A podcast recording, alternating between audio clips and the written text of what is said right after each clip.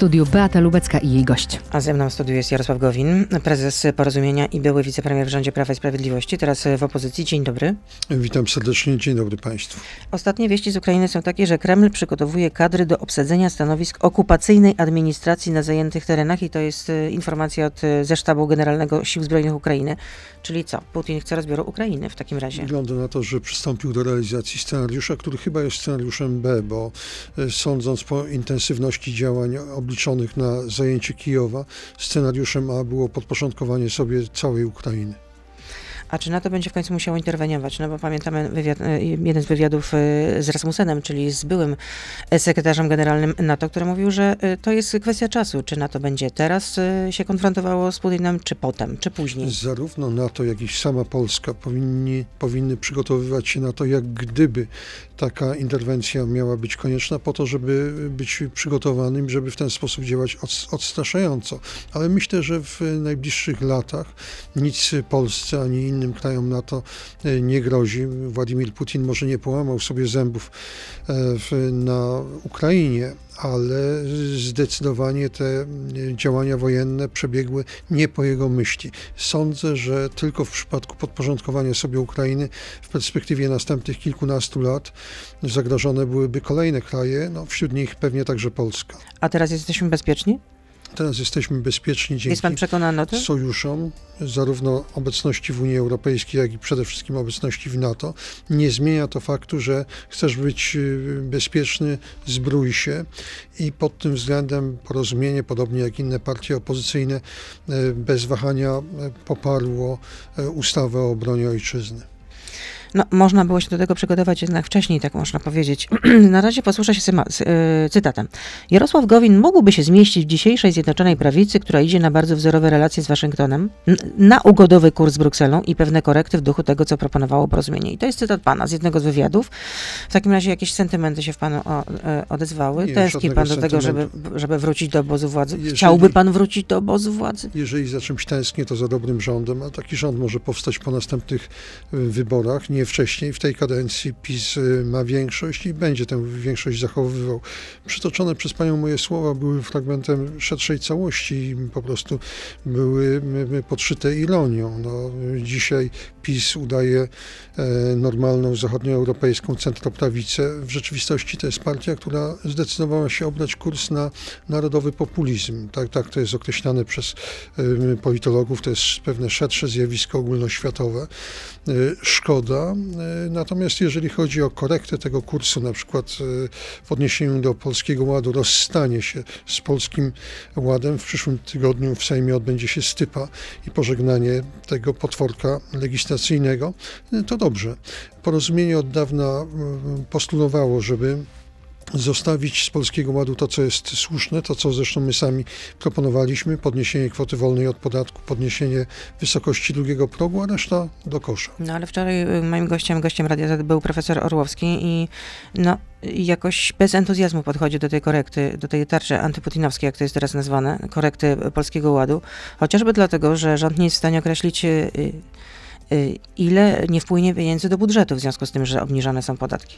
Y, nie tylko nie wiadomo. I, I że to pisanie znowu chyba jest na kolanie. państwa, ale wiadomo, nie, nie wiadomo także, jaka będzie, a właściwie na swój sposób wiadomo, jaka będzie sytuacja samorządów. Obniżenie PIT-u to znaczy e, obniżenie wpływów dla samorządów i tutaj z całą pewnością trzeba e, dokonać e, korekty tych rozwiązań, które określają udział samorządów w podatkach. Porozumienie wraz z Polskim Stronnictwem Ludowym y, zaproponowało wzrost udziału samorządów w podatku y, PIT i CIT, ale także proponujemy, żeby samorządy po raz pierwszy mogły y, mieć udział w podatku VAT i w ten sposób te straty wynikające najpierw z Polskiego Ładu, a teraz z tej nie tyle korekty, co zupełnie nowego rozwiązania byłyby samorządom zrekompensowane. Małgorzata Kidawa-Błońska w wywiadzie dla konkurencji stwierdziła, że pan wróci do PiSu, bo pan mentalnie nigdy z niego nie wyszedł. Hmm, nigdy nie byłem w PiSie, e, natomiast Zjednoczona Prawica była projektem, który mógł ewoluować w dwie strony. Ja chciałem, żeby ewoluował w kierunku klasycznej e, centroprawicy, takiej mm, zachodnioeuropejskiej chadecji. Jarosław Kaczyński zdecydował się na kurs w przeciwną em, stronę. Nasze drogi rozeszły się definitywnie. A co z ewentualnym porozumieniem, nie wiem, z PSL-em, z bo pan mówił w wielu wywiadach, że właściwie y, te dwie partie upatruje pan jako swoich przyszłych koalicjantów, ewentualnych. Nie, tak y, nie mówiłem, bo o ile z, y, rozmowy z PSL-em rzeczywiście się toczą i bliskość programowa jest duża, o tyle Szymon Hołownia na razie jednoznacznie deklaruje chęć startu samodzielnego. I trzeba te, to stanowisko uszanować i tak te rozstrzygające rozmowy będą się odbywały nie wcześniej niż na kilka miesięcy przed wyborami. A sądzi pan, że będą przedterminowe wybory? To jest y, prawdopodobny scenariusz? Moim zdaniem przez cały czas ten scenariusz leży na stole. Jarosław Kaczyński uważnie studiuje e, sondaże. Gdyby się okazało, że wojna w Ukrainie w- wywołuje ten efekt skupiania się społeczeństwa wokół obozu rządowego, to zapewne sięgnie po ten instrument, jakim, są, jakim byłoby samo rozwiązanie Sejmu. Ktoś to musiałby przegłosować. No nie wiem, czy taka opozycja byłaby ochocza do tego, żeby przed to przegłosować. pani argumenty, które by pozwalały Platformie Obywatelskiej odrzucić taki wniosek. Y, Moim zdaniem, jeżeli PiS zdecyduje się na przedterminowe wybory, to Platforma zagłosuje za nim, podobnie zresztą jak inne partie opozycyjne. A czy Komisja Europejska odmrozi pieniądze na Krajowy Plan Odbudowy w końcu? No bo pamiętamy, że minister Nowak, były już minister rozwoju, mówił, że właściwie wszystko już jest dogadane, polityczna, e, polityczna decyzja zapadła, no i za te słowa został zdymisjonowany. Nie mamy ministra rozwoju, czyli ministra odpowiedzialnego za, za gospodarkę, nie mamy ministra finansów, tym bardziej no, potrzebujemy minister finansów jest pieniędzy. premier. No to znaczy, że y, ministra finansów nie ma, bo premier ma y, dostatecznie dużo własnych spraw na głowie. Natomiast wracając do Komisji Europejskiej, tak, chciałbym, żeby jak najszybciej y, odmroziła te pieniądze. One się Polsce należą i one są Polsce y, bardzo potrzebne. Oczywiście jest kwestia sporu o praworządność. Mam nadzieję, że w przyszłym tygodniu uchwalona zostanie ustawa prezydencka likwidująca Izbę Dyscyplinarną. No nie wiem, czy zostanie uchwalona, ponieważ ziobryści grożą, że wyjdą z rządu, jeśli ta ustawa nie zostanie skorygowana. Sądzę, że przynajmniej część opozycji jest y, skłonna, jest gotowa zagłosować za ustawą prezydencką, Pan o ile też? nie zostanie, ja na pewno, o ile ja i porozumienie, Y, o ile oczywiście ta ustawa nie zostanie jakoś zdemolowana w Sejmie. To jeszcze na koniec części radiowej zapytam o e, news naszego e, kolegi, dziennikarza śledczego. Mariusz Gierszewski donosi, że wojewoda mazowiecki Konstanty Radziwiłł unieważnił rozstrzygnięty w grudniu antydyskryminacyjny konkurs e, zorganizowany przez Stołeczny Ratusz na program upowszechniania i ochrony wolności praw człowieka oraz swobód obywatelskich. Zastrzeżenia do programu zgłaszała wojewodzie Fundacja Instytutu, Instytut na Rzecz Kultury Prawnej Ordo Juris. Nie znam tej sprawy, ale uważam, że należy szanować autonomię samorządów. Jeżeli jednostki samorządowe podejmują jakąś decyzję, prawdopodobnie ta decyzja niezbyt by, mi się podobała, bo te konkursy antydyskryminacyjne e, i te projekty tak zwane ant- antydyskryminacyjne często podlane są ideologią, która, e, od której jestem odległy. Natomiast jeżeli mm, zapadła taka decyzja, nie widzę po- podstaw do tego, żeby wojewoda ją uchylał. No to jeszcze dodam, że Równe Miejsce to jest działający od 2020 roku program standaryzacji miejsc usługowych wolnych od dyskryminacji. Prowadzi to Polskie Towarzystwo Prawa Antydyskryminacyjnego, którego twórcą był działacz lewicy Krzysztof Śmieszek. Y, Domyślamy się oboje, y, y, jakie treści będą przekazywane w ramach tego projektu, ale wiem, pani redaktor, na ten temat zbyt mało, żeby się wypowiadać w sposób miarodajny. Generalnie rzecz biorąc, im więcej wolności ideologicznej, wolności światopoglądowej, tym lepiej. No to tyle w części radiowej. Jarosław Gowin, prezes Porozumienia, oczywiście z nami zostaje. Jesteśmy na Facebooku, na Radio ZPL, na YouTube, więc proszę zostać z nami. Beata Lubecka, zapraszam. A pańskim zdaniem jest możliwe, żeby na przykład Robert, Zbigniew Ziobro y, został wyrzucony z rządu? Czy też nie, wierzę, wyszedł? nie wierzę w taki scenariusz, ani w jeden, ani w drugi. Uważam, że PiS i Solidarna Polska skazane są na współpracę. Obie partie doskonale zdają sobie sprawę z tego, że rozejście się ich dróg toruje drogę do e, władzy dla e, opozycji, bo PiS pozbawiony tych e, trzech, może 4% poparcia, które przypada na Solidarną Polskę, z całą pewnością e, nie byłby zdolny do stworzenia rządów w przyszłej kadencji. No, polski rząd teraz mówi, że e, chce wprowadzić embargo na m, sprowadzanie rosyjskiego e, węgla. To przede wszystkim ten węgiel sprowadzają firmy prywatne. Do tej pory słyszeliśmy, że bez Unii Europejskiej, bez decyzji Unii Europejskiej to jest po prostu niemożliwe, że ta decyzja to jest domena Unii Europejskiej, Komisji Europejskiej. Aby embargo było też skuteczne, no to musiałoby na przykład zakazywać reeksportu rosyjskiego węgla, na przykład za pośrednictwem firm węgierskich. No więc to jest możliwe, czy jest niemożliwe bez, Jeżeli bez decyzji twierdzi, Unii że- Europejskiej? Jeżeli rząd twierdzi, że takie embargo wprowadzi, to jestem przekonany, że jest to poprzedzone bardzo gruntownymi analizami prawnymi. Dobrze, że taka decyzja zapadła. Dobrze podwójnie. Po pierwsze, w, w ten sposób nie będziemy dofinansowywać budżetu militarnego, wojskowego Federacji Rosyjskiej, a mm, po drugie, rząd równocześnie zapowiedział szybsze przejście na w energetykę odnawialną. Moim zdaniem e, to jest e, kierunek niezbędny do tego, żeby polska gospodarka zachowała e, nowoczesność.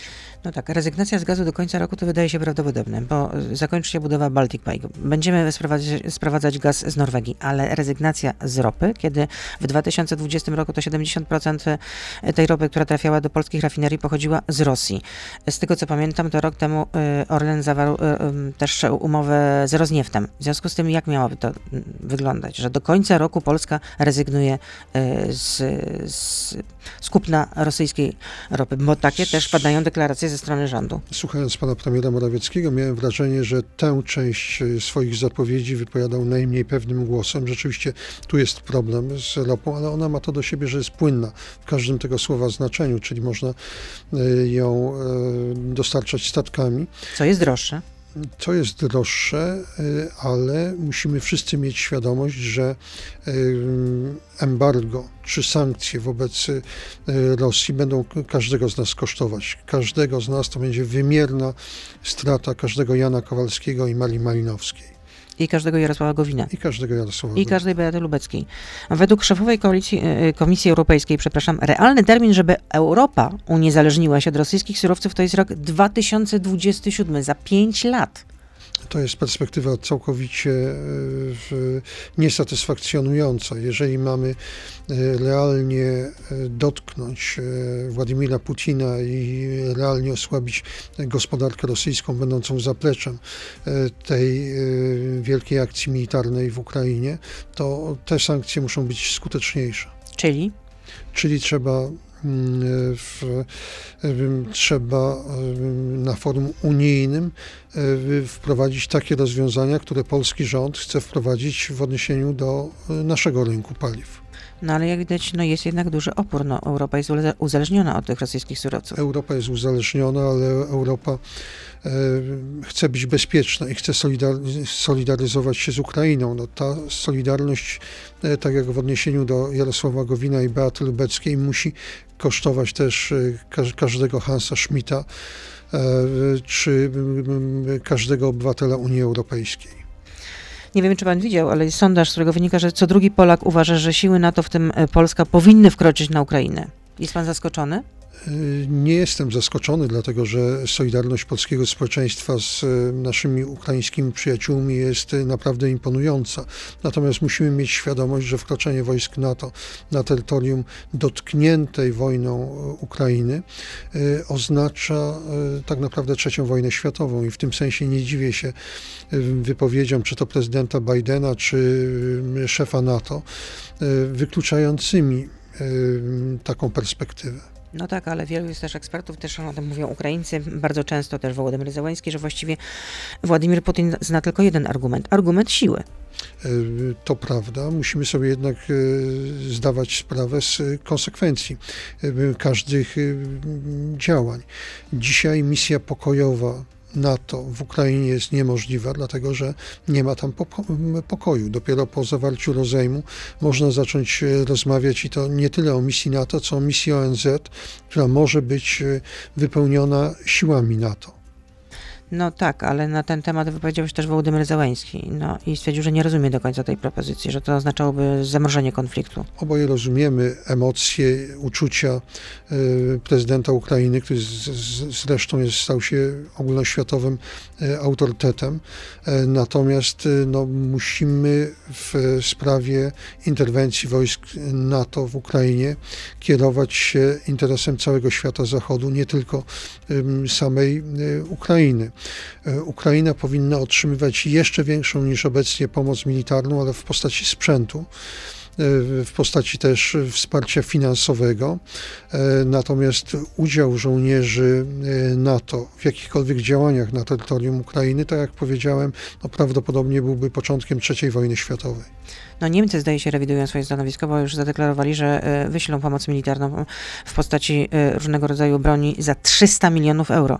No do tej pory byli raczej dość wstrzemięźliwi. No pamiętamy, że wysyłali 5 tysięcy hełmów i też nie mogli jeszcze namierzyć miejsca, w, w którym mogą, do którego mogą to dostarczyć. No a wcześniej blokowali jednak zakupy broni przez Ukrainę. Dobrze, że taka rewizja stanowiska niemieckiego nastąpiła. To dotyczy nie tylko pomocy dla Ukrainy, to, to dotyczy także y, zdecydowanego zwiększenia nakładów na obronność w y, no, europejskim supergigancie gospodarczym, jakim są y, Niemcy. Mam nadzieję, że taka rewizja do, obejmie też relacje gospodarcze rosyjsko-niemieckie. Nawiasem mówiąc, Polska, z czego w Niemczech mało kto zdaje sobie sprawę, zdaje sobie sprawę, Polska jest dużo ważniejszym partnerem gospodarczym dla Niemiec niż Rosja. A czy Polska powinna wystąpić o y, relokację uchodźców, o możliwość relokacji uchodźców, y, tudzież y, o no, pieniądze, które przeznaczylibyśmy na pomoc dla uchodźców? No bo Jarosław Kaczyński w jednym z wywiadów powiedział, że my po prośmie chodzić nie będziemy i że o żadnej relokacji nie ma, przymusowej relokacji nie ma mowy. Nie, o relokacji przymusowej rzeczywiście nie powinno być mowy, natomiast relokacja spontaniczna, ona się częściowo Odbywa. dokonuje. E, w, na terytorium Polski dotarło około 2,5 miliona uciekinierów, uchodźców z Ukrainy, z czego e, jedna piąta mniej więcej już opuściła ter terytorium naszego kraju. E, natomiast co innego to pomoc finansowa. Ta pomoc finansowa jest e, niezbędna i ona nastąpi niezależnie od tego, czy Polska będzie o taką pomoc występować, czy nie. Na tym polega solidarność europejska. No 53% Polaków uważa, że uchodźcy z Ukrainy powinni zostać w Polsce tak długo, jak to będzie konieczne. No ale to akurat y, chyba ten wynik sondażu nie jest zaskakujący. No to jest y, właśnie przejaw tej wspomnianej przeze mnie wspaniałej solidarności społeczeństwa polskiego z y, dotkniętymi tragedią uchodźcami z Ukrainy. Tylko zastanawiam się, co się stanie z uchodźcami, którzy teraz przebywają na przykład w hotelach, w jakichś pensjonatach, ośrodkach wypoczynkowych, kiedy minie ten okres przewidziany przez specustawę tych dwóch miesięcy, 18, tak? Dobrze mówię? Dwa miesiące. To wtedy y, państwo będzie y, dotować, tak można powiedzieć, tych, którzy przyjęli pod swój dach y, uchodźców. Nie tylko zresztą hotelarze, ale tak również na przykład osoby prywatne. No a co potem? No przecież przedsiębiorcy też muszą zarabiać, zwłaszcza, że branża hotelowa Oczywiście, została poturbowana polega... potwornie przez, przez mm, czas pandemii. Na tym polega wielka trudność i wielkie wyzwanie.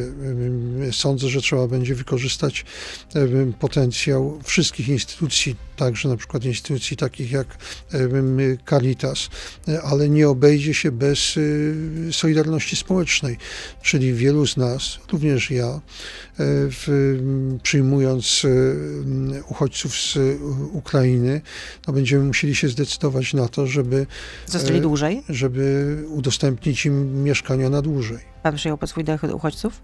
Yy, tak. I zamierza pan, yy, no, zaproponuje im pan, żeby zostali dłużej u pana? Wydaje mi się, że jest to koniecznością.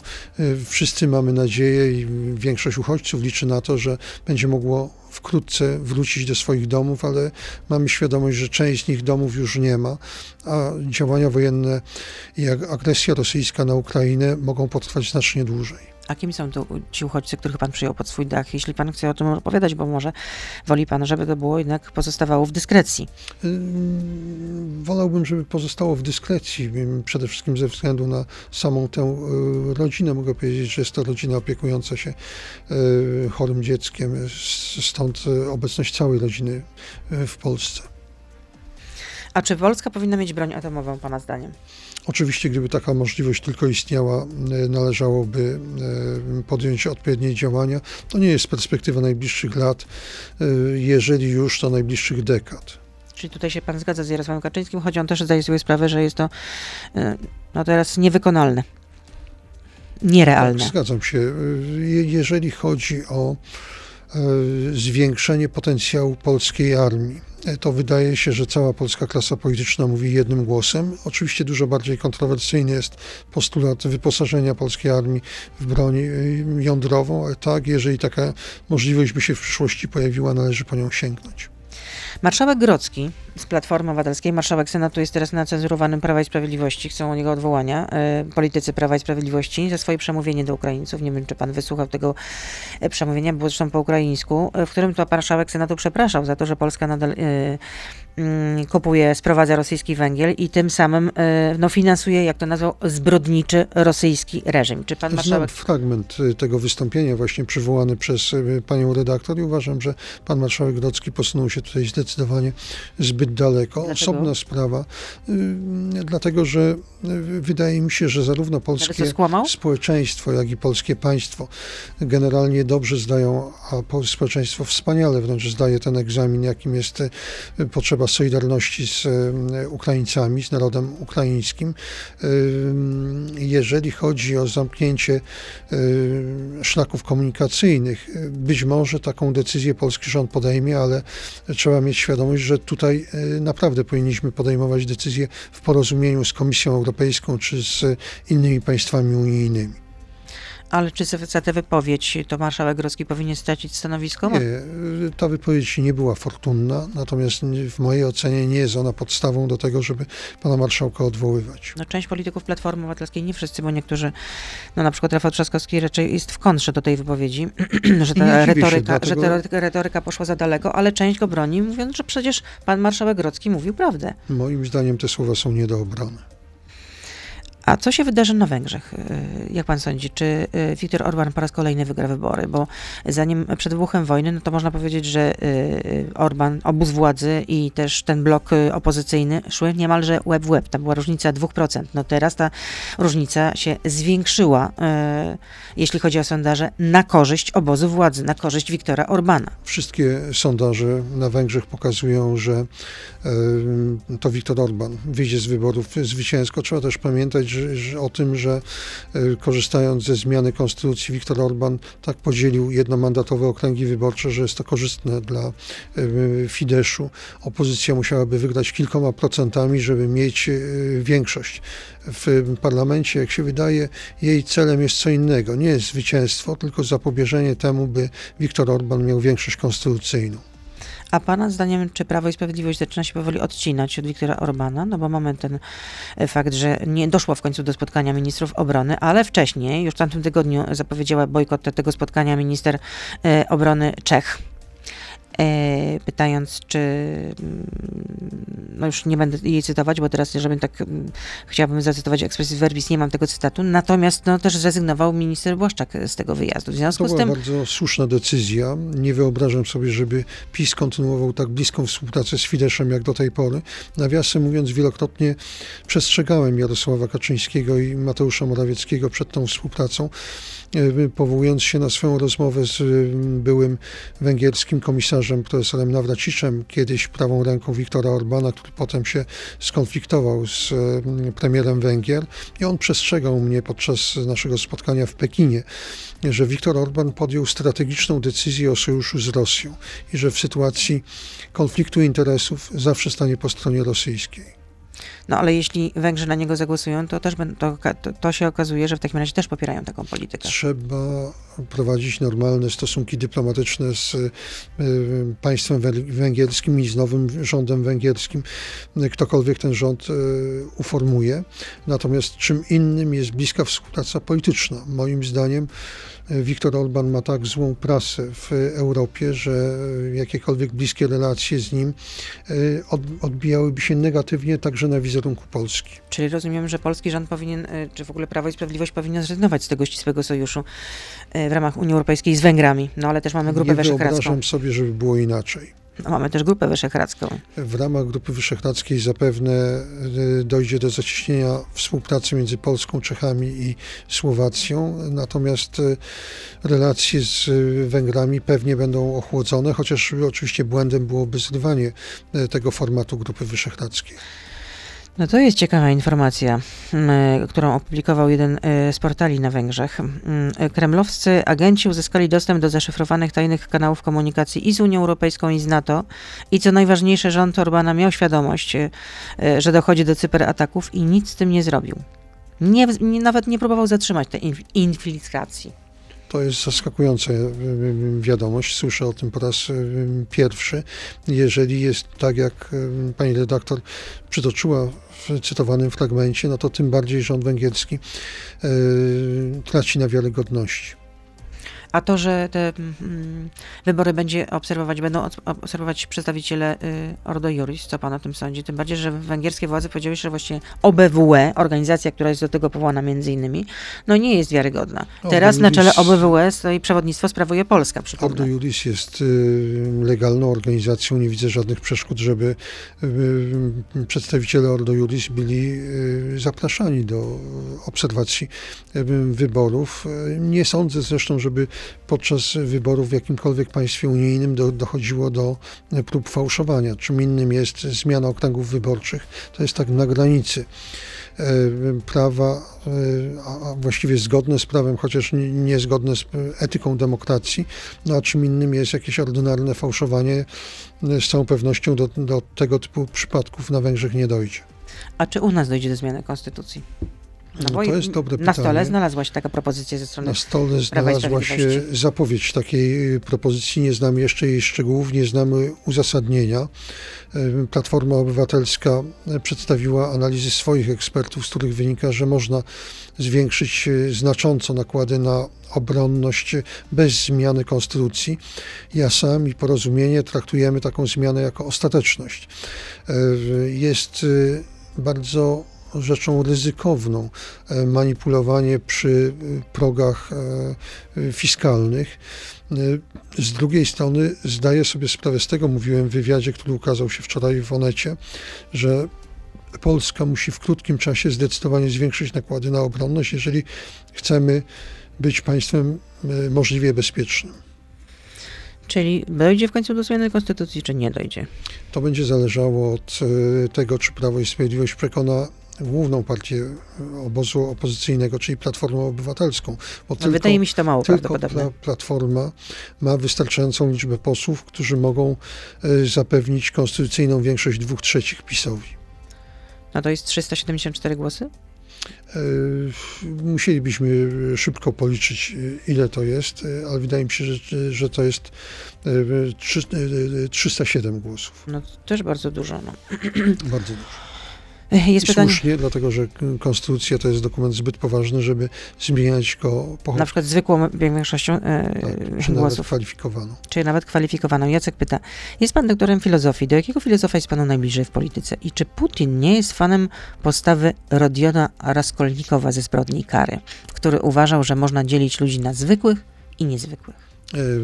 To zaskakujące pytanie, jedno z najbardziej niezwykłych, które zadano mi w ciągu tych 17 lat, kiedy jestem politykiem, y, ale bardzo mądre. Y, Ja jestem zwolennikiem filozofii Arystotelesa. To jest odpowiedź na pierwszą część pytania.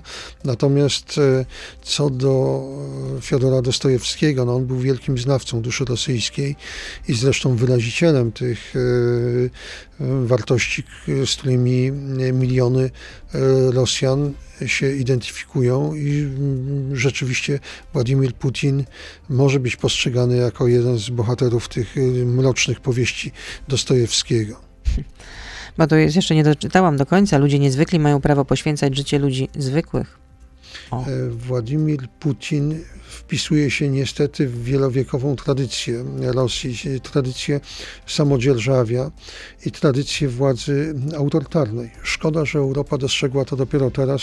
My w Polsce nie mieliśmy co do tego od lat wątpliwości. A czy warto studiować filozofię i jaką można po tym znaleźć pracę? No jak Jacek. widać, można być wicepremierem, ale Można filozofię być warto- politykiem. Filozofię warto studiować niezależnie od tego, jaki zawód się potem wykonuje, bo ona się przydaje wszędzie, dlatego że e, w, m, uczy samodzielnego myślenia i precyzyjnego myślenia. E, Dlatego niezależnie od e, e, faktu, że m, czasami ironicznie mówi się o filozofowaniu, to e, dla mnie studia filozoficzne były najcenniejszym kapitałem, jaki zdobyłem w życiu. I to było po takie pana marzenie? Przecież chciał pan być piłkarzem, z tego co pamiętam. A tak, y, to była moja pierwsza pasja, piłka nożna. Cieszę się bardzo, że polska reprezentacja w dobrym stylu pokonała Szwecję i y, będzie uczestniczyć Jedzie w Mistrzostwach. Świata. Jedzie do Kataru.